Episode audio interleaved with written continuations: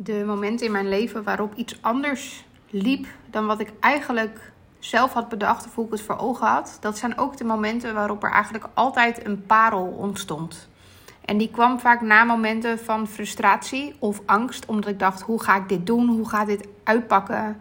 Ik wil dit niet. Er ontstond heel veel weerstand. En dit is ook waarom ik dit deel met jou vandaag. Mocht er een moment zijn nu in je leven, of dat nou privé is of in je business, waarop het eigenlijk anders loopt dan dat je hoopt.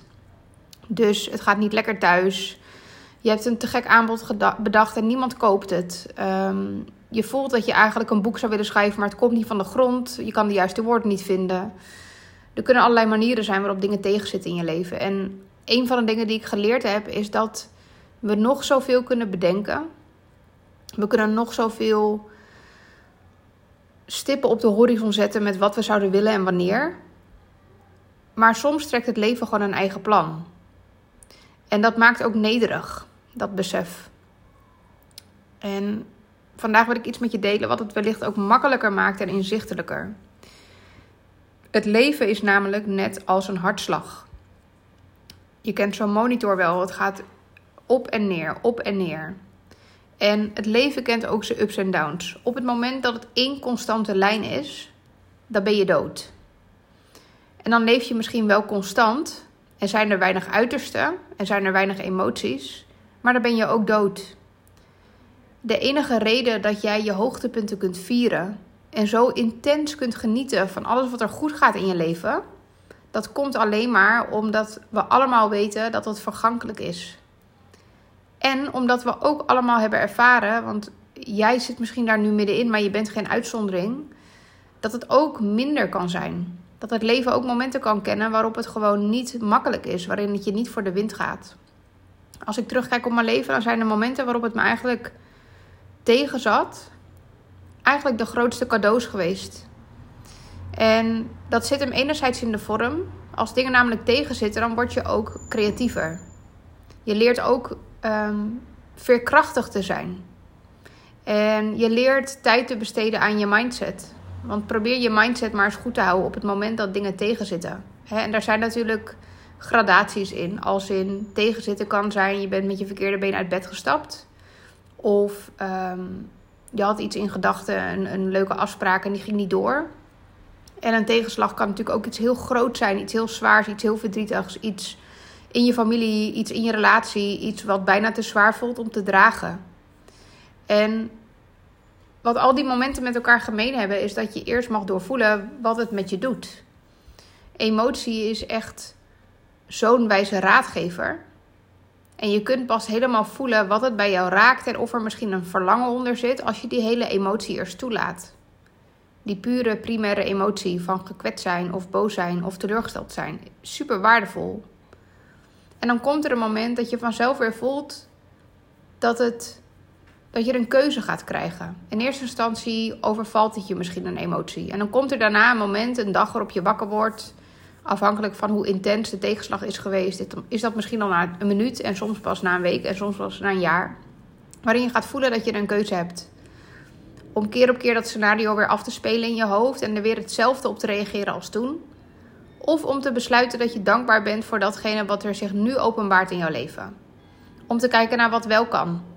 Om te kijken naar de mazen in de wet. En de momenten waarop ik dit deed in mijn leven zijn de momenten waarop ik het meest geleerd heb. En waarop mijn leven echt een andere wending heeft genomen. Zo ben ik ooit, toen ik nog in loondienst werkte, ik heb één loondienstbaan gehad. Ehm, mijn contract is ooit niet verlengd op dat moment ooit niet verlengd. Mijn contract is destijds niet verlengd. En ik baalde daarvan, want het gaf me gewoon stabiliteit. Maar ik vond het ook veel te leuk om daar te stoppen. En wat er toen gebeurde, is dat er iets op mijn pad kwam. Wat maakte dat ik me in moest schrijven bij de KVK. Wilde ik een bepaalde klus accepteren. En ik zag die klus helemaal zitten. En ondernemerschap was nooit in mij opgekomen. Dit is nu inmiddels ruim zeven jaar geleden. En de keuze die ik toen heb gemaakt is om inderdaad me in te schrijven. Niet wetende dat ik zeven jaar later een bedrijf zou runnen waar ik mijn grootste levensgeluk uithaal. Groter dan wat ik ooit in elke loondienstbaan heb ervaren. Groter dan wat ik ooit in elk bijbaantje heb gezien. Elk gesprek wat ik ooit heb gevoerd met mensen over werk. Ik wist niet eens dat dit mogelijk was. Dus het feit dat die deur toen voor mijn neus is dichtgegooid, opende perspectief. En ik zag het niet gelijk. Maar dat is altijd. Op het moment dat je doorgaat en op zoek blijft gaan naar levensgeluk, dan kun je uiteindelijk, ja, ze zeggen connecting the dots, looking backwards. Je kijkt om en je ziet ineens hoe het op zijn plek is gevallen. Door dat ene moment. En dit is zo ongelooflijk waardevol als je je dit al kunt beseffen terwijl je er middenin zit. En dat doet dus echt een beroep op je vertrouwen. Want vertrouwen is niet dat je ergens al bijna om het hoekje ziet dat er iets op je staat te wachten. Dat die ene klant zegt: Oh, ik ga bij je instappen hoor. Ik moet alleen nog even een intake.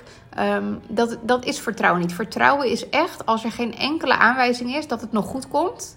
Dat je toch een beroep gaat doen op je veerkracht. Op het vertrouwen in jou. Dat het altijd goed komt. En misschien is het niet het scenario wat jij bedacht had. Maar wat als je dat ook eens zou kunnen loslaten? Wat als je onthecht kunt zijn van datgene wat jij zelf hebt bedacht, hoe het zou moeten zijn. En je gewoon openstelt voor datgene wat door jou heen wil komen. En vaak is dat groter dan jij. En daar kan een hoop weerstand mee gepaard gaan. En ik snap het. Ik snap het echt. Weet je, ik heb ook momenten gekend in mijn bedrijf waarin, het, uh, waarin ik echt dacht: als het zo doorgaat, nou dan kom ik niet rond. En vlak voordat ik dat, die, die gedachten die komen soms overnemen. En vlak voordat ik echt dacht, nou, ik weet het niet, kwam er altijd een ommezwaai. En zonder uitzondering heb ik die keren dat ik dit meemaakte in mijn bedrijf, de beste maanden ooit gedraaid. Dat proces daarna. En dat heeft alles te maken met keep showing up. Als jij dingen doet waar je blij van wordt, zolang jij het nog voelt wat je te brengen hebt, als jij de waarde inziet, als jij ervan in de fik gaat, dan kun je dat ook nog steeds overbrengen naar anderen. En soms zal dat betekenen dat je zaadjes aan het planten bent waarvan je nog niet ziet of en wanneer ze uitkomen. Maar dat zit allemaal in het worteldek onder de grond. Het enige wat jij kunt doen is zorgen dat je er aandacht aan blijft geven. Dat je zichtbaar bent. Dat je stappen blijft zetten. Dat je je ontwikkelt. dat gaat niet alleen over je bedrijf, maar ook juist over jou. Op het moment dat je merkt dat een gedachte meer dan één keer bewust terugkomt, in je dag en je hebt ergens zorgen over of stress over, dan kun je er geheid op zeggen dat die gedachte jou waarschijnlijk uh, ehm, 80% van de tijd op die dag onbewust aan het beïnvloeden is. Wetende dat we zo'n 60.000 gedachten per dag hebben, waarvan we er maar 5% bewust meemaken. En als één gedachte al vaker in jouw bewustwording is gekomen, omdat je ergens stress over hebt, dan is de kans dus echt heel groot dat die jou op een onbewust niveau ook continu aan het beïnvloeden is die dag. En dan gaat het niet over wat je moet doen in je leven. Soms wel, maar dan gaat het ook eerst in eerste instantie om de bewustwording van die niet helpende gedachten. En om die te onderzoeken of het waar is. En eerst dat patroon te doorbreken. Want de dingen die je gaat doen of de dingen die je niet doet, die zijn eigenlijk altijd een gevolg van datgene wat je denkt. Dus wil je je leven veranderen, dan zul je ook eerst je mindset moeten veranderen. En dat is makkelijk wanneer het voor de wind gaat. Het is makkelijk het gevoel hebben dat je kunt manifesteren of dingen kunt uitrollen op het moment dat het goed gaat. Maar juist die momenten waarop je tegenslag ervaart, dit zijn de momenten waarop je beroep kunt doen op je veerkracht. Waarop je bewust aan de slag wil gaan. Om je gedachten onder de loep te leggen. Dus een aantal dingen die je daarbij kunnen helpen is om te zorgen dat je ruimte creëert in je dag. Haal ruis weg. Ga zitten, pak pen en papier, ga schrijven. Kijk wat er ontstaat. En doe dit een week lang, elke dag 10 minuutjes. En op het moment dat er een patroon ontstaat en je merkt dat je continu hetzelfde aan het opschrijven bent, dan weet je dat je daar werk te doen hebt. Heel vaak kun je jezelf de vraag stellen: welk besluit heb ik nu te nemen? Als je iets op papier ziet staan en het valt, je valt in herhaling, dan heb je daar een besluit te nemen. En soms is dat het besluit om ergens mee te stoppen. Soms is dat het besluit om juist iets anders erbij te doen of op te pakken. Soms is het gewoon een besluit dat je voelt het is te belangrijk voor je, dus je stopt niet, maar je gaat wel meer doen dan wat je ooit hebt gedaan. Je kunt ook niet verwachten dat je alles krijgt als je maar de, de helft geeft. Dit is een van de dingen die ik zie bij klanten. Uh, dat is ook de reden dat ik deze podcast opneem. Veel van mijn klanten die gaan nu momenteel door een dip heen. Ik zie het gebeuren. Ze komen ook in sessies bij mij dat ze zeggen: het lijkt wel rustig.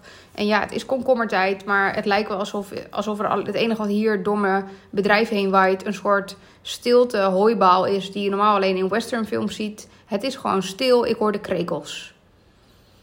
En hetgene wat je dan. Je moet beseffen, wat ik ook met hun deel, is dat op het moment dat jij zelf half aanwezig bent kun je ook niet verwachten dat je er vol resultaat uit haalt. Dus ben jij zelf net met vakantie geweest, lag je social media even stil, ben je zelf even compleet uitgecheckt. Afhankelijk van het bedrijf wat je hebt gebouwd, kan het best zijn dat je klanten hebt aangetrokken in die tijd. Maar grote kans dat met zichtbaarheid ook klanten komen. Dus op het moment dat jij zelf niet alles eraan hebt gedaan, dan kun je ook niet verwachten dat je de jackpot krijgt. Dus ook dit doet weer een beroep op jouw leiderschap om te kijken: wat kan ik nog doen? Wat heb ik in het verleden gedaan? dat is de tweede oefening, los van het schrijven en je bewust worden van je gedachten. Zou een ander advies zijn wat ik je zou geven. Ehm, ga kijken naar hoe je dit eerder hebt georganiseerd toen het nog wel werkte. Wat deed je toen? En wat is het verschil tussen nu en toen? Zijn er dingen die je toen wel deed waarvan je nu denkt: oh, dat kan ik eigenlijk wel eens opnieuw proberen? Zijn er toen bepaalde methodieken die je hebt toegepast? Zijn er gesprekken die je gevoerd hebt? Had je toen een coach? Heb je een ademsessie gedaan? Heb je je website teksten vernieuwd? Ben je live gegaan op Instagram? Heb je klanten direct benaderd? Er zijn altijd honderden manieren om ervoor te zorgen dat je business weer gaat stromen. En in je relatie is dat net zo. Stel dat jij momenteel merkt dat in het thuisfront dingen niet lekker lopen. Wat is de laatste keer dat het ook geweest, zo geweest is en wat heb je toen gedaan? Welk gesprek heb je toen gevoerd? Waar ben je toen heen gegaan? Wat heb jij toen gedaan voor jezelf? Heb je eerst voor jezelf gezorgd? Ga onderzoeken. Dingen die je in het verleden hebben gedaan of hebt gedaan, die kunnen je nu op dit moment weer helpen. Dus even recap. Onthoud, het leven is als een hartslag. Het kent ups en downs. En het enige wat dat zegt, is dat je leeft en dat je mens bent.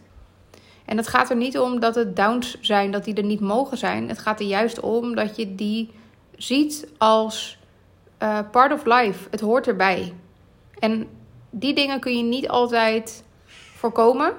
Maar je kunt wel besluiten hoe je ermee omgaat. En heel vaak gaat dat niet over wat moet ik nu doen, maar het gaat wel over wie wil ik zijn. Welke persoon wil ik zijn? Als ik nu door de storm heen ga, welke persoon wil ik dan zijn? Wil ik degene zijn die de hele tijd in haar hoofd blijft zitten? Die continu dezelfde gedachten herhaalt, die elke keer hetzelfde tegen haar partner zegt, dag in dag uit: ik heb stress, ik heb stress, ik heb stress? Of wil je degene zijn die leiderschap neemt? Die zegt: ik besef me dat ik hier doorheen aan het gaan ben. Dit is ook niet de eerste keer, het zal ook niet de laatste keer zijn. Ik ga hier gewoon mee zijn. Ik ga hier gewoon mee zijn en ik vertrouw erop dat het weer aantrekt. En tot die tijd ga ik doen wat ik kan. Dat is een hele andere energie dan. Ja, het is eigenlijk een helder energie waar je dan instapt. Ten opzichte van de slachtofferenergie. Dat kost ook zoveel energie als je daarin zit en je continu aan het zorgen maken bent.